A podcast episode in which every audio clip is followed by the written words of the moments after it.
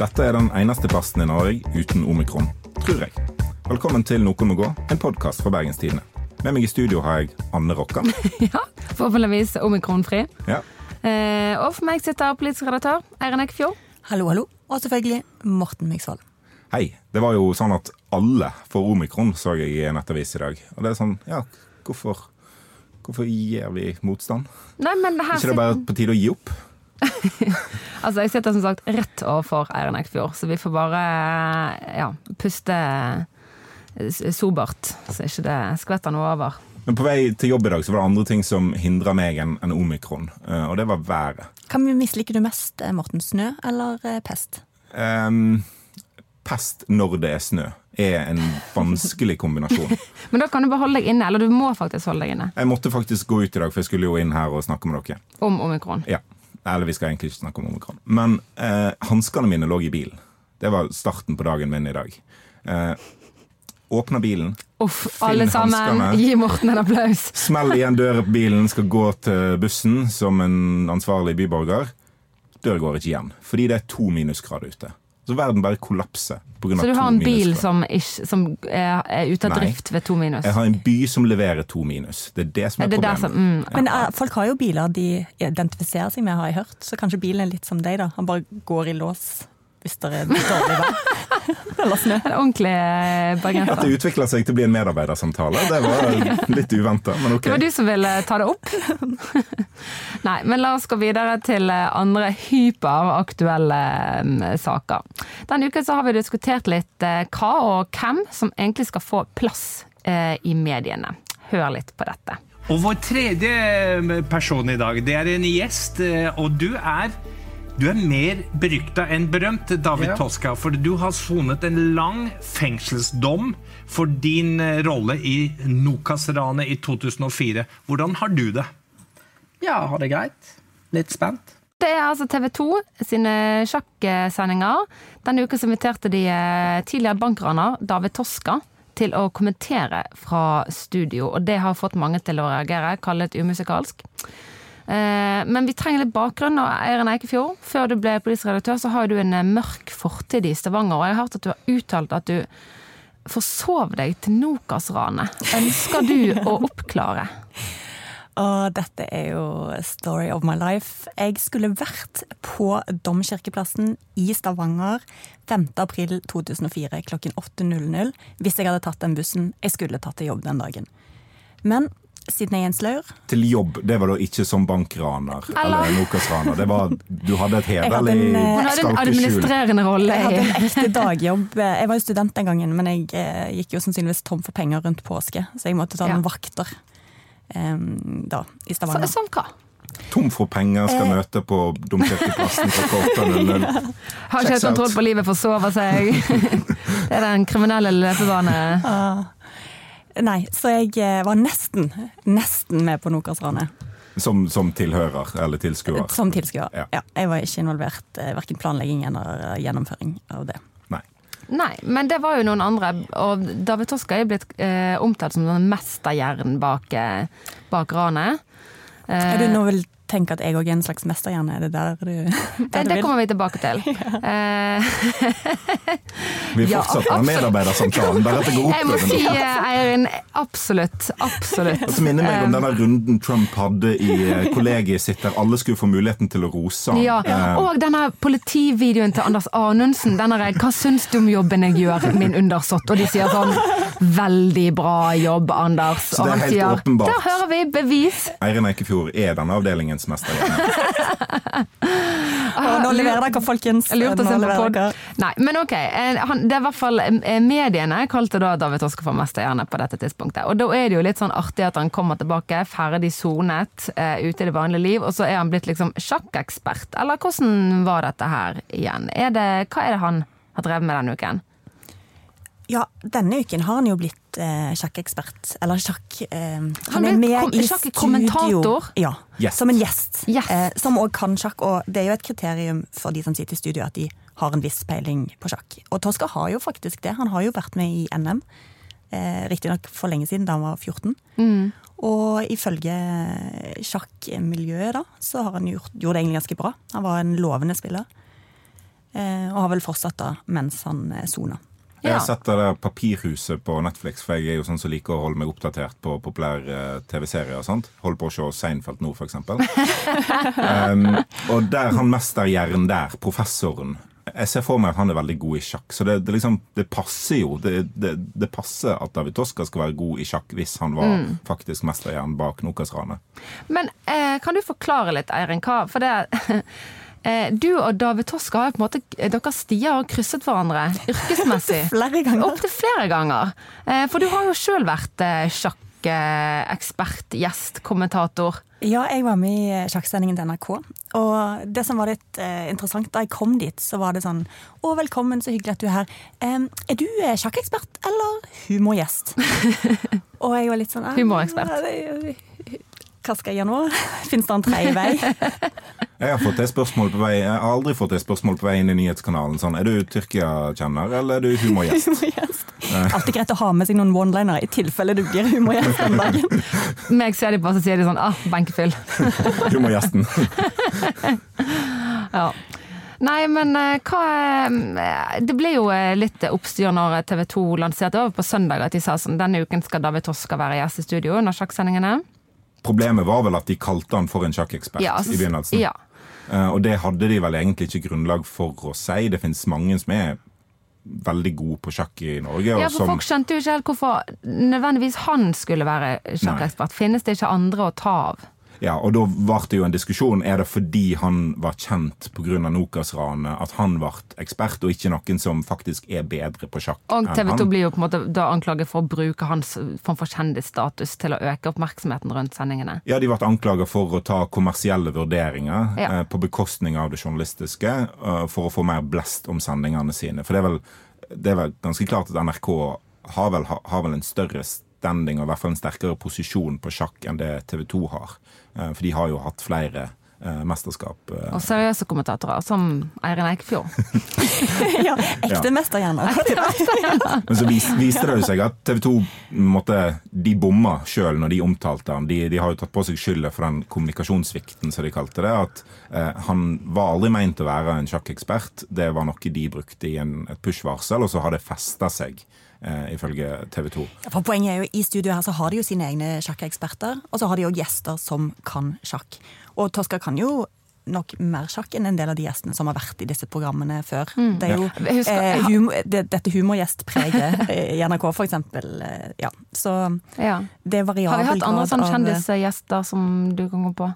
Sånn, hvem, hvem hopper han etter? Ja, NRK har vel hatt sånn Mats Hansen Å, herregud. Ja, da er det bare å få inn Toska. Altså, da Det er plass til alle. Anita Ja. Ja, jeg skjønner. Jeg skjønner tegningen. Vil Men- de at folk skal se på disse programmene? Det? Og hvem vil de egentlig at skal se på dem? For jeg kan se for meg sånn skikkelige sjakknerder. De orker ikke sånn derre eh, Mats Hansen, blogger-vitsing. Det blir bare forstyrrende. Må jo konsentrere deg, tror jeg. Jeg vet ikke. Men jeg var, jeg var en av de som reagerte negativt på at Oskar skulle være sjakkekspert på TV 2. Og det var jo litt fordi at det var en misforståelse. Han skulle jo ikke være sjakkekspert på TV 2. Og det er jo der denne påstanden om at TV 2 gjør dette av kommersielle hensyn, eh, liksom, og at det alltid er i motstrid med journalistiske hensyn, er jo feil. Altså, David Toska har jo en historie med sjakk. Han var god i sjakk før han rana Nokas, og han eh, drev veldig masse med sjakk i, i fengselet. Ja. Han har en interessant historie om sjakk. Han er ikke eksperten i studio, men han er der for å gi en litt annen eh, liksom, Litt dybde til programmet. eh, mer enn bare i sjakk. Ja, og snakke litt om eh, sånn, sjakkens rolle under soningsforholdene, og hva det har betydd for han. Og Ja. sånne ting. Og det er jo Så jeg syns det var skikkelig sjakktrekk eh, å ha! Fordi det var Han er rett og slett en, en interessant gjest, og jeg er Ja. glad for at de ikke liksom foretok en rokade eh, rett før eh, innspilling. Ja. Mm. Men er det greit nok at han eh, har på en måte ikke stjålet jobben til en ekte sjakkekspert, men er det i seg sjøl problematisk å sette en en tidligere ganske tungt kriminell på TV på en litt sånn eh, Sette han inn som litt sånn ja, lettbeint humoraktig, sånn en fascinerende historie. Altså, det var jo tross alt en politimann som ble skutt og drept under dette ranet, og veldig mange av de involverte har slitt tungt i ettertid. Altså, det er jo en ekstremt traumatisk eh, opplevelse. Og pengene har jo aldri kommet til rette. Og denne mesterhjernen har jo ifølge eget utsagn klart å rote pengene bort. Det er jo snakk om 50 millioner. Altså det som jeg ser at gjør saken litt usmakelig, er jo at han åpenbart er invitert fordi at han er en kjent person, og at den kjendisstatusen er basert på at han var hjernen bak det største ranet i norgeshistorien. Og det ble jo ganske synlig da de begynte å liksom småpludre sånn innledningsvis i sendingen. For det ble jo et litt sånn Hvis du skal koseprate med David Toska, så handler jo hans posisjon i det studioet om at han har vært hjernen bak et ran. Og du kommer liksom ikke unna det. Og det blir jo en litt underlig inngang. Eh, Og det at han er der, skjer jo ikke på tross av at han har vært kriminell, men på grunn av det han har gjort. Ja. Men jeg, jeg reagerer ikke. Jeg, min første innskytelse var å ja, dette er jo fint. Her får folk komme tilbake til samfunnet, de får en ny sjanse. Det gjelder òg på TV. For det er jo litt rart at vi skal si ja, det er kjempeviktig å rehabilitere kriminelle, og de må komme tilbake, og de må bli en del av oss. Men ikke hvis vi må se på de. Jo, men altså, en ting Vi vil altså, ikke bli utsatt, vi vil ikke bli minnet på det. De kan godt være tilbake og gjøre helt vanlige jobber, men, men De skal ikke vise seg fram for oss. Altså. Det er en litt sånn renovasjonstanke Ja. der. Jo, men samtidig Det er jo ikke det. Altså det å liksom eh, legge fortiden bak seg og sk- Skal ikke han få gå videre og sånn? Jo, selvfølgelig. Han har jo gått videre. Han er ute, han er ferdig sona, han har småbarnsfar og etablert med fulltidsjobb og Altså, det er jo ikke sånn at alle kriminelle ikke får gå videre i livet før de har fått gå videre inn på TV 2-sendingen. Det finnes jo på en måte grad Altså, skal, vi, skal det lønne seg å være kriminell? Men, du er ikke den- fullt rehabilitert før du Men den får journalistiske eh, gå vurderingen må jo være om han er et interessant menneske, en interessant gjest. Og det er han jo. Og du blir ikke uinteressant av å være kriminell. Altså, jeg syns jo tvert imot at vi burde snakke mer med kriminelle, egentlig. Ja. For det, i hvert fall jeg har jo intervjuet en del folk gjennom tidene som har gjort eh, fæle ting. eh, Diverse kriminelle handlinger. Og de er jo noe annet enn det de har gjort. Alltid. Og det tror jeg er litt sånn skjult for folk. Eller sånn at Man har utrolig mye fordommer, og det er veldig sterkt stigma knyttet til å være straffedømt. Og så er det jo ganske mange som er det, tross alt. Ja. Som Katrine Holter skrev hos oss i neste kommentar, altså mennesket er mer enn sine verste handlinger. da. Og det er jo da ofte greit å huske på. Og så er det jo noe med liksom at igjen til denne kommersielle vurderingen. Det, den største konsekvensen av Tosca som gjest var vel at eh, en sponsor trakk seg fordi de ikke kunne stå inne for eh, å ha eh, Tosca som gjest. Og det var jo et inkassobyrå. Det er hysterisk morsomt. Og de er vel kanskje mest opptatt av at han ikke har betalt pengene tilbake igjen. Altså, antar jeg. Kan et inkassoselskap sponse en fyr som skylder 50 millioner kroner til staten? Jeg forstår jo at det er en vanskelig ting for Ja. de, altså, men dette er jo et Jeg synes, da er det det som andre ting de burde sett mellom fingrene med også. Dette er jo et selskap som skifta navn for ikke så lenge siden, sikkert fordi de trengte en ny start, de òg. Fordi inkassobyrå er jo ikke akkurat de med liksom Det er ikke de som eh, vi eh, synger for på 17. mai, Nei. eh, kan en si. Det er ikke, de er ikke veldig populære. De har en upopulær forretningsmodell. de, de gjør en nødvendig jobb i samfunnet, liksom. Eh, men De kan gå i eh, bak parolen til sånn parkeringsvakter og sånn. Nødvendig onde. parkeringsvakter gjør et nyttig godt arbeid. Jo da, men særlig eh, populære. Sånn, Nei da, det, da, det, er de nok, blir de eh, nok det ikke. de nok ikke. Men ja, altså, vi tror altså ikke at, at folk driver og at ungdommen liksom blir inspirert til å rane en bank eh, med håp om å komme på TV 2 om et par år. Nei, to sendinger på eh, sjakk, eh, et sjakkmesterskap jeg hadde aldri hadde hørt om. Det, Kan Litt kronglete vei inn i TV-studio, tenker okay. jeg. Du må sone ja. en del år før du kommer dit. Så, så veien fram er ganske lang. Ja. ja.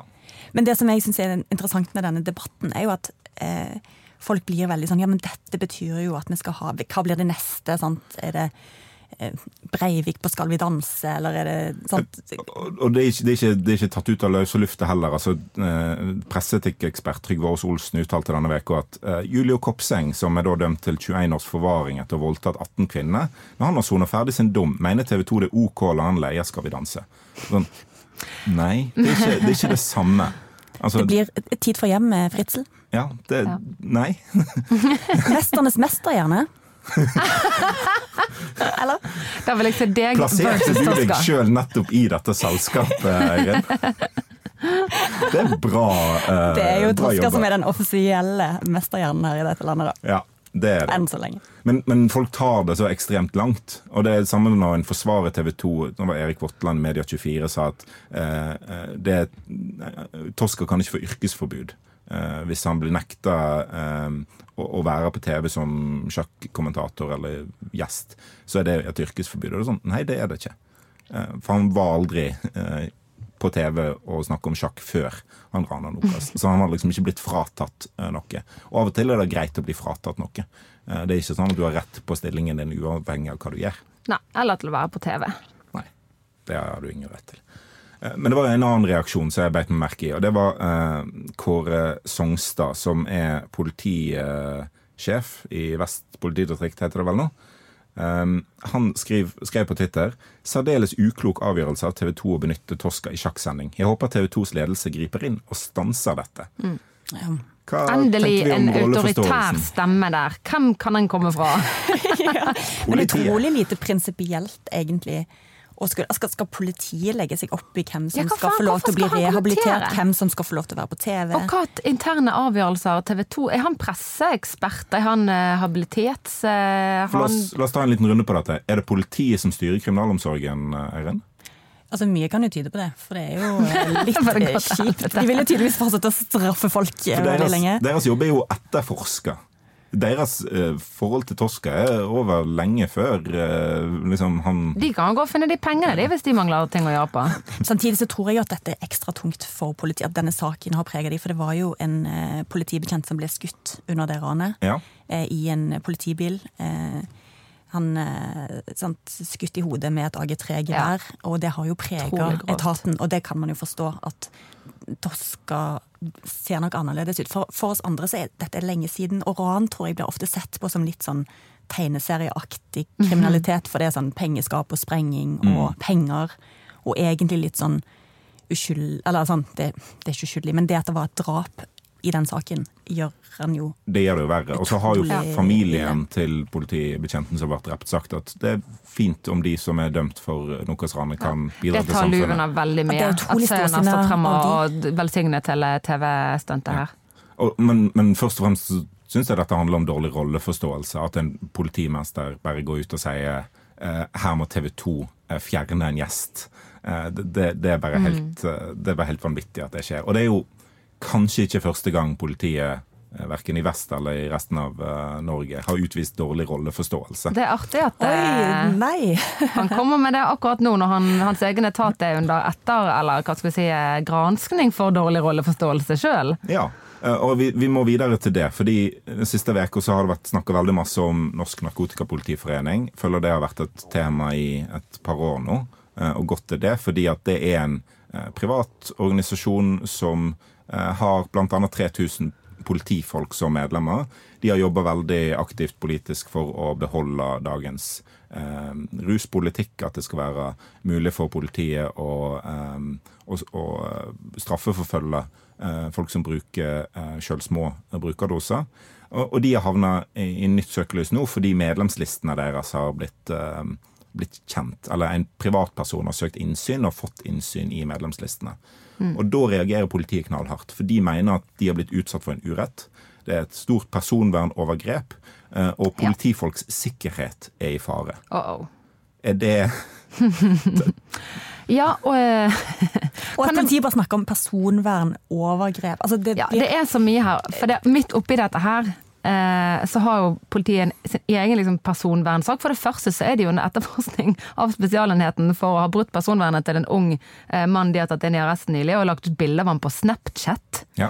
Eh, Så det er nå én måte de håndterer personvern på internt. En annen, og eksternt, og en annen er at de lenge har eh, lagret internettaktiviteten eh, i sosiale medier til en eh, rusaktivist som heter Hege Grostad. Ja. Eh, og fra 2014 av så har de lagret alle hennes kommentarer og aktivitet på- sosiale medier. Eh, og, og eh, diskutert dette og fortolket på hennes eh, opptreden i eh, rusdebatten. Eh, og dette har de lagret eh, ulovlig. Eh, Med den begrunnelse at det er rett og slett tvingende nødvendig. De har også gått til det steg nå når denne Hege Grostad nå er blitt gravid, og pågriper nå eh, tvangstester for rusmidler. Som hun da altså ikke hadde tatt, for det er ikke nødvendigvis sånn at når man for en politikkendring på et kriminalitetsfelt, så er man kontinuerlig ruset sjøl. Og Grostad har jo sagt at hun har eh, brukt rusmiddel tidligere. Men det betyr jo ikke at hun bruker rusmiddel når hun har blitt gravid. Og Har det du noensinne drukket alkohol, Morten, Nå er du kontinuerlig dritings rundt din sønn? Jeg vet ikke. Nei, Det er ikke er ikke det. Det er ikke en sammenheng Eh, men det er der politiet sliter med liksom, de, de tenker en gang rusa, alltid rusa. Ja. Og da er kanskje ikke de de første som skal snakke om rehabilitering og, og sånt, når de rett og slett ikke tror på det.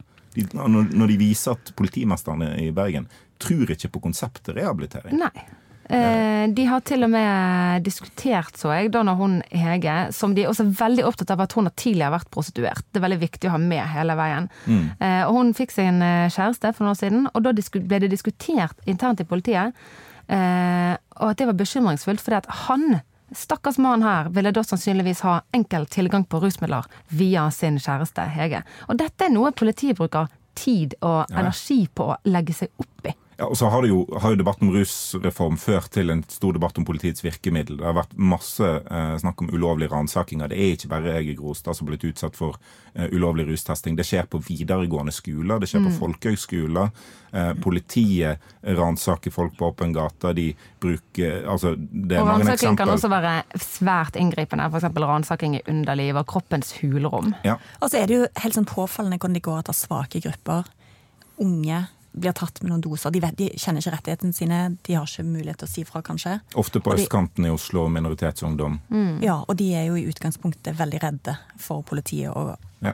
Med god ikke- grunn. Med god Ja, grunn. De røyker si mindre hasj og blir tatt veldig mye oftere fordi at de pågripes oftere og sjekkes oftere. Så Ja. de straffes rett og slett hardere for det samme som eh, ungdom på vestkanten gjør. Og det er selvforsterkende, for fordi minoritetsungdom ofte blir, eh, oftere blir stoppa enn andre, så vil politiet oftere stoppe minoritetsungdom. begrunner de det at de har funnet Ja. mer eh, beslag på eh, østkantungdom med at de derfor må sjekke de oftere, så forsterker bare Ja, ja. syklusen seg. Men jeg tenker, hvis det er sånn at vi sitter her eh, har vel alle tre uttalt oss eh, under eget navn som positive til en rusreform. Er det sånn nå at hvis jeg eksempel, hvis datamaskinen min konker og jeg har glemt å ta backup, kan jeg henvende meg til politiet, og så vil de ha eh, en full eh, oversikt over min internettaktivitet og mine personlige dokumenter på internett eh, fra de siste årene? Altså, I så fall vet, er men- det ja, Må jeg nyansere min holdning til dette? Altså Den avtroppende, eh, eller avgåtte regjeringen Solberg la jo fram et lovforslag i høst der de ville at det skulle bli lovlig å, å lagre all nettaktivitet. Sånn offentlig nettaktivitet. Ting en skriver på Facebook, kommentarfelt. Al altså gjøre det politiet nå har gjort lovlig. Uh, legalisere lovbryterne i politiet, rett og slett. Uh, og Det er jo et forferdelig dårlig forslag, men det viser jo òg hvor uh, ekstremt det politiet allerede har gjort. Sier de de vet at det er ulovlig, men de Ja. gjør det liksom i det godes tjeneste. Eh, og og det, det er ikke sånn at politiet skal funke. De skal ikke bryte lovet for håndheveren. Eh, altså En dose hasj er ikke så farlig at du skal få et lovbrytende politi. Det er farligere å ha det. I hvert fall Ja. Hvis ikke de har eh, respekt for lovverket. Men eh, ja, dette kunne vi snakket lenger om, men det vi begynte med var jo at eh, politiet nå føler seg at, de, at det har blitt begått et overgrep mot de. Og det er jo selvfølgelig mye mer alvorlig enn alle disse talløse At de frivillig har meldt seg inn i en eh, ruspolitisk organisasjon. som utgir seg for å være politi. Ja. Og som mange kommuner tror er politi. Og som utgir seg også for å være bare en kunnskapsorganisasjon. Ja. Tilfeldigvis så er denne politikunnskapsorganisasjonen helt uenig med eh, Politihøgskolen, som egentlig er deres kunnskapsorganisasjon. Men nok om det. Eh, men de, har, ja, de føler seg altså eh, De krever en eh, unnskyldning fra Justisdepartementet. Som har frigitt navnet på disse medlemmene i da, Norsk Narkotikapolitiforening, la oss kalle det NNPF. Og en innsynsbegjæring er en sentral del av et åpent demokrati. Ja, for det syns jeg må presiseres. At det er ikke sånn at en eller annen random person på Twitter har på en måte hacket et eller annet register over noen politifolk, Nei. og nå er de i livsfare. Det å søke om innsyn, det er helt grunnleggende for journalistikk, og det er altså helt grunnleggende for et demokrati. Det er nå engang sånn at offentlighetsloven regulerer hvilke opplysninger i Norge som skal være offentlig tilgjengelige. Det gjelder jo for på en måte alle, eller veldig mye av på en måte forvaltningen av staten vår.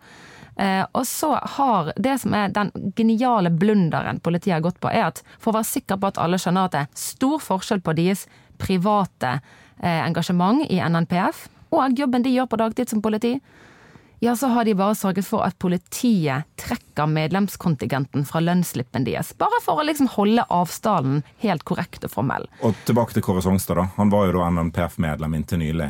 Uh, uten å vite det. Han visste at han hadde vært det før, men han visste ikke at han var det nå Han hadde, kunne ikke huske å melde seg ut, og det ble overrasket over at han ikke hadde gjort det. Ja. Men det kan, kan jo være at NNPF er litt sånn som, som statskirka har vært. da, at hvis du, hvis du ikke sier noe annet, så er du på en måte Ja, medlem. sant? Du må melde deg ut hvert år, ellers så bare er, det, er det på til 15, og det rakk de jo ikke, for da visste de jo ikke om dette.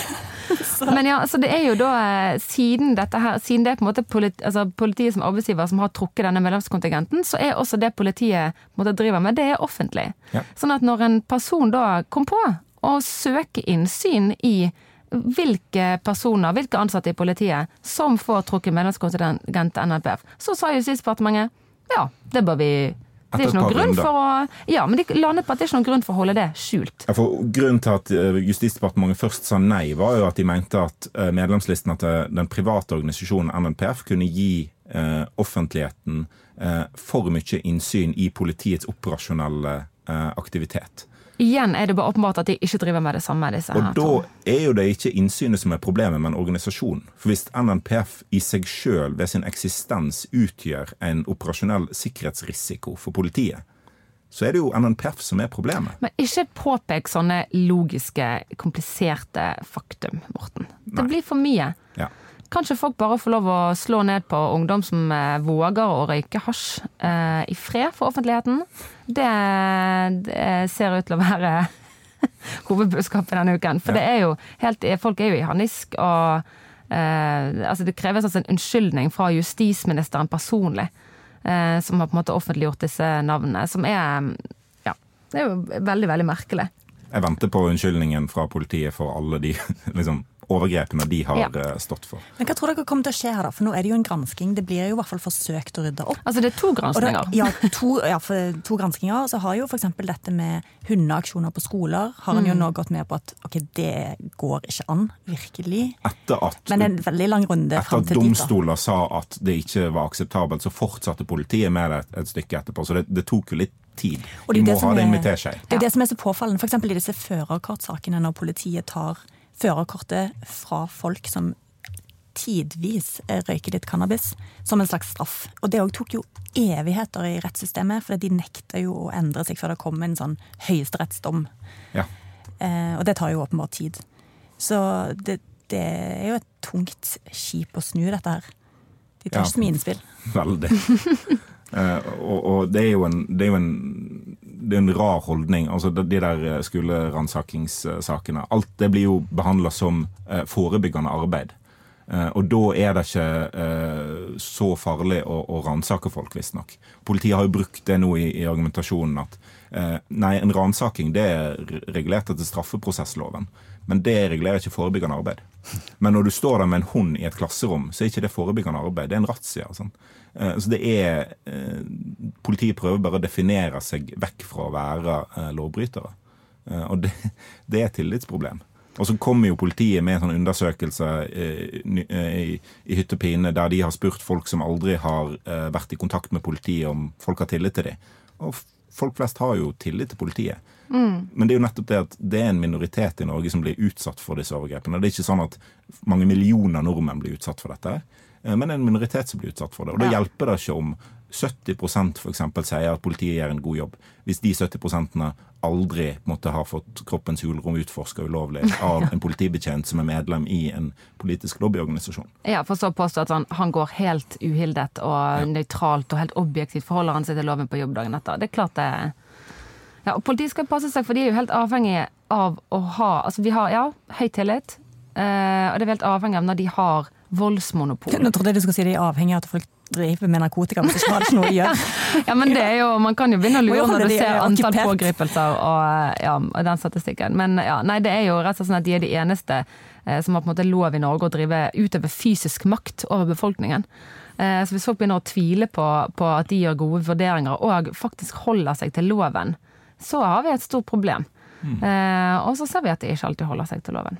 Så Men så når det det kommer litt- til narkotika, så er faen meg alt lov. For Altså- det er folkefiende. Ja, så tenker jeg det er også et sunnhetstegn at folk har litt mistro til politiet. Eh, at en ikke skal ta alt politiet sier for god fisk. Oh, ja. Altså, en må prøve å, altså, Politiet bør gjøre det de kan for å opprettholde høy tillit i befolkningen, men tillit skal jo ikke være blind. Altså, en, må jo, en må alltid vurdere om det politiet gjør, er greit eller ikke. Ja. Eh, Og de fleste politifolk er jo bare mennesker som ønsker å bidra positivt til samfunnet og har lyst til å hjelpe befolkningen, men det er jo vanskeligere eh, å gjøre det på en god måte hvis du på fritiden er medlem av en organisasjon som rett og slett eh, hjernevasker deg eh, på Så det er jo det de driver med. Så ja. Jeg tror vi går videre til vår faste spalte og Vestland. Og du skal ta det litt enda litt mer heim. Eh, Ja. Kanskje noe som eh, angår enda flere folk Kom an på enn hvordan du definerer hjem, Morten, men det kommer vi litt tilbake til. Vi har i hvert fall blitt oppmerksom på en ny trend her i byen. Og det er at kjøpesentrene nå satser på puber og restauranter fordi de skal bli opplevelsesdestinasjoner. Og en destinasjon det er da et sted hvor man kan få alt man trenger og ønsker seg fra morgen til seint på kveld. Jeg har, jeg har et forslag til en opplevelsesdestinasjon i Bergen der du kan få alt du ønsker deg både fra morgen til sent på kveld. Bergen sentrum. Å, kjempeforslag. Altså, du trenger ikke være på et kjøpesenter for å få alt du ønsker deg. Er dette, men er, du, er dette ditt seriøse forslag? Er, handler du aldri andre steder enn i Bergen sentrum? Jeg, jeg tror mesteparten av handelen min foregår i sentrum. Um, fortsatt. Jeg har flytta, jeg har ikke bodd i sentrum på noen år. Men jeg har blitt en av de som av og til kjører til et kjøpesenter for å handle. Ehm, det er jo litt på grunn av at Obsen ligger der. Ja, jeg syns du skal forklare det, for at du nevnte det. Du, for nå har jo du flyttet til litt utenfor sentrum, ja. Og det er, jeg syns det var mange gode faktorer på en gang. At du hopper i bilen, Har så- skjedd. og så kjører du i den eh, retningen som ikke medfører bompenger, Ja. for å handle på et kjøpesenter i Åsane. Ja. Eh, ja. Så den der Bergen sentrums, eh, den urbane profilen din, Morten, den er i ferd med å svinne hen. Jo, altså, jeg er jo hykler som alle andre. Eh, og jeg hater jo meg sjøl litt, og det er jo sikkert kjernen av å være vestlending. er en god dose Ja, men Det er i hvert fall bra at du kjenner på skam når Ja. du er der ute er i at- kjøpesenterverden. Altså, mat, matbutikker det er av og til praktisk å ha en stor matbutikk, sånn at du kan handle masse på en gang. Eh, og da kan jeg jo forstå at folk ikke reiser inn til sentrum med bybane eller buss, handle åtte poser og så ta med seg ut igjen. Ja, altså litt fisk her, og så skal du på Ja. og så skal du handle grønnsaker, og så skal du Så, så der har jo jeg stor forståelse for eh, behovet for store butikker, i hvert fall i en travel hverdag og sånt. Men det jeg sliter med å forstå, er at alt annet òg skal være på disse gigantiske parkeringsplassene. Er det ikke bare å følge samme logikk, da? Hvis du f.eks. skal eh, kjøpe julegaver, eller bare du har på en måte la, Jeg vet ikke hva folk kjøper der ute. La oss si du skal kjøpe mange ting. Du skal kjøpe nye knagger til gangen, og samtidig skal du ha deg en ny bukse. Og eh, du trenger q-tips, eh, og så skal du ha Herregud. Hva, Ja, så blir du så sliten at du må ha deg en øl etterpå. Ja, sant? Altså, er, det- det er jo akkurat det samme. Det er jo like tungt å haste fra butikk til butikk for å kjøpe mat, som det er å haste fra butikk til butikk for å kjøpe gjenstander.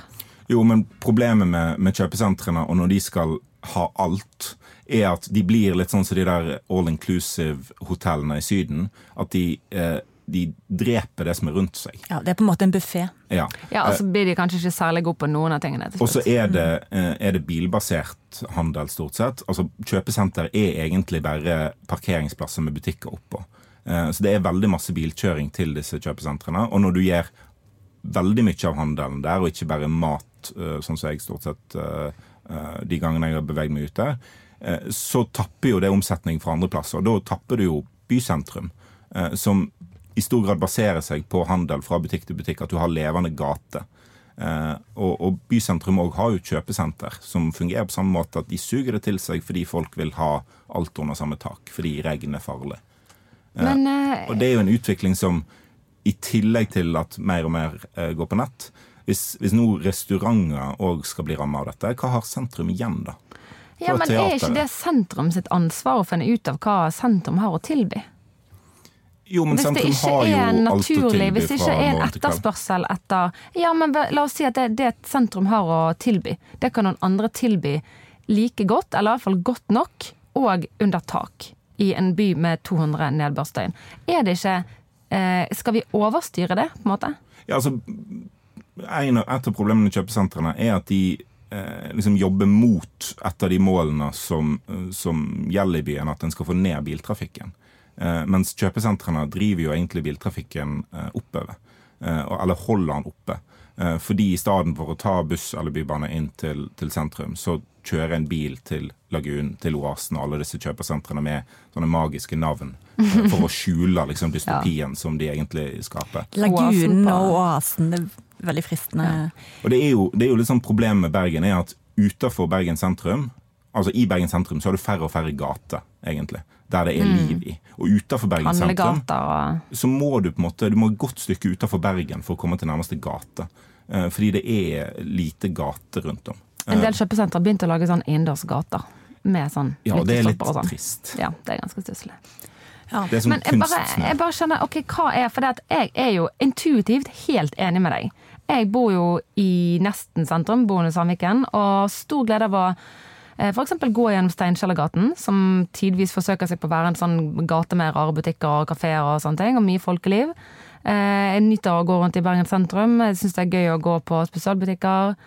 Eh, Men det, det aller mesteparten av forbruket mitt, altså den omsetningen jeg bidrar mest til, den er helt sikkert på galleriet. For det er så jævlig greit. Det er så enkelt. Ja, jeg, jeg prøver veldig bevisst å handle i sentrum, men problemet er jo at du må ville det veldig for å få det til. Og det blir For for, mye å kreve av folk. Ja, altså det, ja jeg, bestiller, jeg går heller innom en butikk enn å kjøpe noe på nett, og så viser det seg ofte at nei, vi har ikke den størrelsen, og nei, dette har vi ikke, og så ender du kanskje opp med å gå på nettet likevel, og så har du bare tatt den strafferunden Ja. først. Så det, det er jo, jeg er jo enig med deg at det stiller jo litt krav til sentrumsbutikkene, at de faktisk må Nei da, hvis vi ikke har det, så sender vi hjem til deg. Altså, de, de må tilpasse seg eh, kundene, for du alle de bomturene, til slutt så gjør det at du gir opp. Ja, det har og jeg liksom synes det er interessant til. at han kjøpesenterdirektøren for Thon-gruppen, de eier jo en ting er jo at alle butikkene skal inn i ett senter, men alle sentrene er også eid av én mann. Eh, Men i hvert fall han sa at eh, det er viktig å få inn tilbud som i mindre grad konkurrerer med netthandel. Og det er jo litt artig. Vi har på en måte eh, bidratt til dette sjøl. For det først klager vi på på at butikkene flytter seg inn der, men så handler ikke vi engang altså Til og med dra, dra på kjøpesenter blir for vanskelig for oss. Nå skal vi sitte hjemme og shoppe eh, ting og klær derfra. Sånn at når til og med da, Og da må kjøpesentrene fylles med noe nytt. Og hva er det vi ikke kan kjøpe på nettet? Det er jo eh, mat og opplevelser. Eller altså eh, følelsen av å gå på Men jeg kan ikke se for meg noe mer deprimerende enn å liksom kjøre ut i periferien, komme til et sånn der falskt landskap der du liksom skal gjøre alt i livet. Nå prøver jeg å unngå å kjøre bil til enhver pris, da, så jeg er jo ikke helt kjernemålgruppen for dette tiltaket. Ja, altså, og da er ikke det bare fordi du er klimafanatiker, men du hater å kjøre bil. Det er en viktig presisjon. Ja. Men også, altså, ok, det er fint at de har puber og restauranter, men hvis du har bilen med deg, så hjelper jo det ganske lite. Så jeg Ja, hvorfor skal man liksom man kjøre til puben? Hva er det for noe? Det er det er sånn de jo- driver med i 50-tallets USA. Ja, det, Og da med en gang svarer på mitt eget spørsmål hvorfor dette appellerer til folk. altså det er, altså med, med skjenkebevilgning på, på kjøpesentre og sånn, så er det jo litt, sikkert litt fordi òg at kjøpesentrene har god kollektivdekning. Og ikke bare det, det er jo faktisk folk som bosetter seg i leiligheter på toppen av kjøpesenteret. Ja. Det fins. Så Og det, men, men det er jo faktisk en av de gode utviklingene i Åsane, er at du har fått litt folk som bor eh, inn i senteret. At du kan kanskje prøve å på et eller annet tidspunkt transformere det gigantiske kjøpesenteret til et senter. Altså ikke et kjøpesenter, men et bysenter. bysentrum. levesenter. Der det er faktisk gate. Og det har jo vært planer om å flytte en del parkeringsplasser under bakken, redusere en del parkeringsplasser, lage gateløp der det i dag er, eh, bare står masse eh, bensintanker på rekke og rad. Eh, men de planene har jo ikke blitt noe av fordi kjøpesentrene motsetter seg det. Ja, men hva er det du mest vil til livs? Er det selve konseptet at vi ikke lenger har At sentrum mister på en måte konkurransefordelen sin, det de har å tilby, eller er det biltrafikken? Altså, For det er vel lettere å gjøre noe med sistnevnte. Det er for eksempel har jo blitt for sånn pålegge kjøpesentrene å ta parkeringsavgift, som gjør det litt mindre eh, tiltalende og, og ja, litt, litt mindre billig. Altså Biltrafikken er jo et problem, men jeg, jeg syns Bergen taper en del som by når vi velger å ha et knøttlite bysentrum som vi prøver å bruke minst mulig, og så er bydelene våre det er kjøpesenter. Der er liksom Oslo en mye bedre by, for de har Hvis du spør folk i Oslo hvor er sentrum, så er det litt avhengig av hva bydel du bor i. Det er ikke alle som vil eh, peke på Karl Johans gate eh, som sentrum av Oslo. Eh, Men er ikke det også litt altså, nei, fordi bare hver bydel har sine er- sentre, og Er de det har ikke levende også noe av det som Altså Det er jo noe av sjarmen med Bergen også, nemlig at vi har den lille gryten. Der alt og alle koker sammen. Jo, men alt og alle koker jo ikke der, for alle driver og koper ut på kjøpesentrene eller på netthandel. Men det er jo, der møter jeg meg sjøl i døra enda en gang, for det er jo kanskje det mest vestlandske du kan drive med. Er jo å sitte på ditt eget nes, hytta med neven og få varene hjem til deg uten å måtte liksom, snakke med så mange. Men eh, hvis du trasker over Bryggen og torget en eh, solskinnsdag, så er det ingenting som tyder på at folk foretrekker å sitte hjemme på ne- neset med en eh, klaustaler enn å sitte på Bryggen og drikke øl. Og du kan fint hytte med neven der òg. Det har jeg observert. der er hytting. Det er debatter rundt Bryggen der hytting med neven har forekommet. Det, det tror jeg jeg kan huske. Ja. Nei, det, det er sikkert ikke helt mørkt. Det er bare det er noe med at de skal ta enda en, uh, ta enda en arena. Ja, jeg er redd for at det skal liksom sluke enda mer, da. Ja, jeg er også redd for det. Jeg bare skjønner ikke, jeg forstår ikke hvordan vi skal bestemme at Bergen sentrum skal være attraktivt. Det er, Nei, det går ikke og det, her er jeg kanskje veldig preget av sånn at vi er sånn markedsliberal, sånn markedet skal løse problemet sjøl. Men det er nå engang sånn at det er veldig vanskelig å si til folk vi kan dessverre ikke la deg benytte deg av det tilbudet du foretrekker, som la oss si det da er da pub og butikk og mat og sosialt liv på kjøpesenter, bilbasert eller ei. Du skal ha det i sentrum. Du skal gå på restaurant i sentrum. Du skal gå på Egon sentrum istedenfor Egon Lagun. på en måte. Altså, det er noen- det er veldig vanskelig å bestemme sånne ting. Det er noen ting. ting politikerne kan bestemme. Det er jo annet å ikke liksom gi alle parkeringsplassene kjøpesentrene ber om når de skal utvide for 36. gang. Mm. Altså, En kan begrense parkeringen litt. Men, men den største parten av, av eh, ansvaret ligger jo på bergenserne å bruke eh, hvis, hvis en er glad i nærbutikken sin, så bruk Ja, den. sant? Og Frode Bjerkestrand skrev en, ja. en bra kommentar for et par år siden da eh, Garasje utestedet Garasje ble lagt ned. Og det var liksom veldig mange som var sånn åh, det er så trist at Garasje går ned. Og så er det sånn eh, Når var du der sist? Nei, for 30 år siden. Ja. Ja. lurer, på hvorfor, eh. lurer på hvorfor de måtte legge ned. Ja. Det er jo fordi alle som eh, ønsker at det fortsatt skal være der, ikke bruker det. Og det er jo litt sentrumsproblem at veldig mange vil ha sentrum, og så er vi for lite flinke til å bruke det. Fordi kjøpesentrene er så forbanna enkle. Ja. Og hvis de blir så forbanna enkle når det kommer til mat og pub og alt sånt òg, så er det kanskje greiest å bare flytte inn dit. Kan jeg komme med en oppmuntrende anekdote? Ja. Jeg har søkt på eh, ordet butikkdød. ja. og og funnet at eh, første gang jeg fant det på trykk i Norge, var i 1968. Når avisen Raumnes eh, hadde en artikkel om butikkdød. Fordi at det var kommet varehus og lavprisforretninger. Og det fryktet folk at de tradisjonelle forretningene ville bukke under. Men det er på en måte 50 år siden, og Norsk Kjøpmannsinstitutt forsket på det og kunne si at det hadde ikke blitt mindre butikker etter at eh, lavprisforretningen i Raumenes eh, kom. Så det, er, det med butikkdød og sentrumsdød og sånn, det har vi vært opptatt av veldig lenge. Og det er jo eh, Folk Det kommer jo til en smerte. Det å gå i sånn eh, nærbutikker og fine, koselige forretninger, og det, det er nostalgisk sånn Å, den puben. Å nei, skal de legge ned? Å nei, her var vi jo i fjor og kjøpte sånn en knapp. Å nei, skal den legges ned? Det kommer til et punkt der hvis ting faktisk gjør det, så begynner man å sette opp ting sjøl. For det står nå de lokalene tomme. Og da eh, skaper man kanskje noe som du har savnet på ordentlig, som du faktisk ville brukt hver dag. Kreativ ødeleggelse. En kreativ ødeleggelse, eller en form for evolusjon. Eh, og det er nå på en måte Jeg syns det er godt liv i sentrum fortsatt. Og jeg har hele mitt liv har folk drevet og sukket og stønnet over eh, butikkdøden. Så jeg, jeg er ikke så pessimistisk. Kanskje vi bare får lov å klage, da. Eh, jo da, Morten. Eh, men eh, ja. Dra på, Det var jo dra det egentlig det. eh, dette og Vestland-temaet skulle få lov til å handle om. Litt, Ja, La opp til massiv klaging. litt klagekompetanse. Klagekompetanse. Ja. Ja. Før vi avslutter, er det noen som må gå denne uka? Ja. Alle må vel gå eh, til sentrum og handle, da. Til en opplevelsesdestinasjon nær deg. Det er en god, uh, god kandidat. Innspill og tilbakemeldinger det sender du til nmg, snabela.bt.no, eller i Facebook-gruppa Noen må gå. Vi kommer med en ny episode i neste uke, sikkert torsdag da òg. Intromusikk var bergensere av Jørn Torske. Produsent det er Henrik Svanevik. Du finner podden i BT-appen eller hvor enn du laster ned podkaster fra verdensveven. Ha det bra! Ha det bra! Ha det!